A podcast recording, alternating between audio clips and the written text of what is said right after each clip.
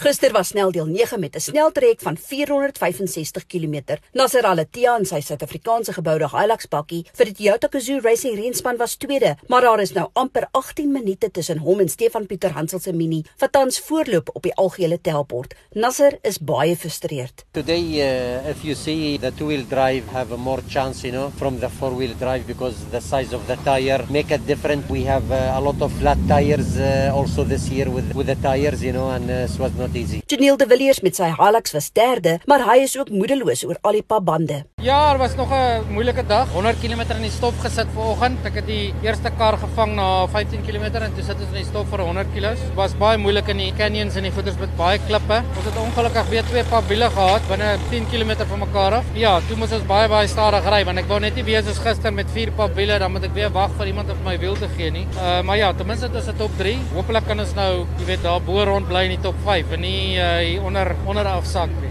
Shamir Varehava het darem 'n beter dag as sy spanmaats gehad. Yeah, well, this morning P7 was good. Kept on going at a nice pace. In the first canyon, we, we, we got lost. And in the second canyon, we got lost again. So we lost like, I think, 20 minutes today.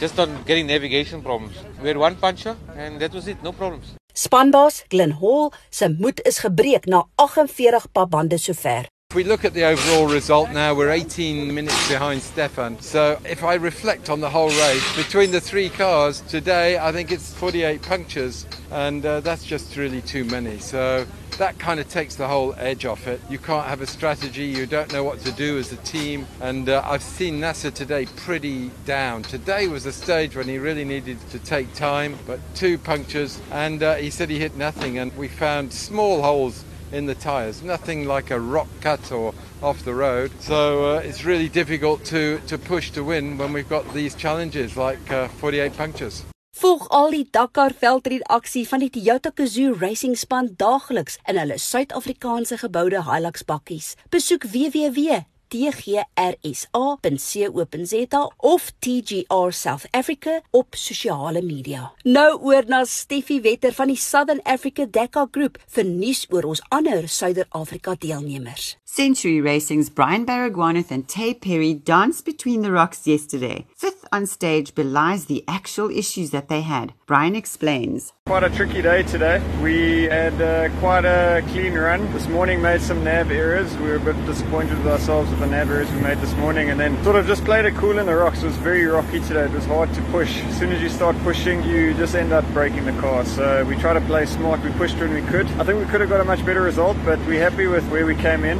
and uh, at least it's a good fighting position. And uh, yeah, car's been fantastic. We actually blew the power steering on the finish line. We popped the seal on the on the steering rack. So very lucky with that. And one puncture, not a puncture, actually just a, a crack on the tire inflation with the big rocks crossing through the rivers and that. So at least a clean day. We're trying to look after the car as much as possible in these tricky racing conditions. And uh, let's see, maybe tomorrow we can push a bit harder. Yamaha's woes continued, and it was heartbreak alley for our Kalahari Ferrari, who had engine failure that he simply could not repair. Rossi is out of the rally, but mark my words, he will be back to win a Dakar. He is simply too talented not to. Our Kalahari Madala has soldiered through this magnificent stage. Canyons, mountains, rocky sections with pitfalls everywhere. He's made it to the end of the stage and tackles stage 10 next. 342 daunting kilometers and a 241 kilometer liaison faces our Dakar warriors on stage 10. Ek is Janet van Wiele twee wiele And I'm Steffi from the Southern Africa Dakar Group. vir Dakar 2021. Tot môre. Hou jou wiele aan die rol.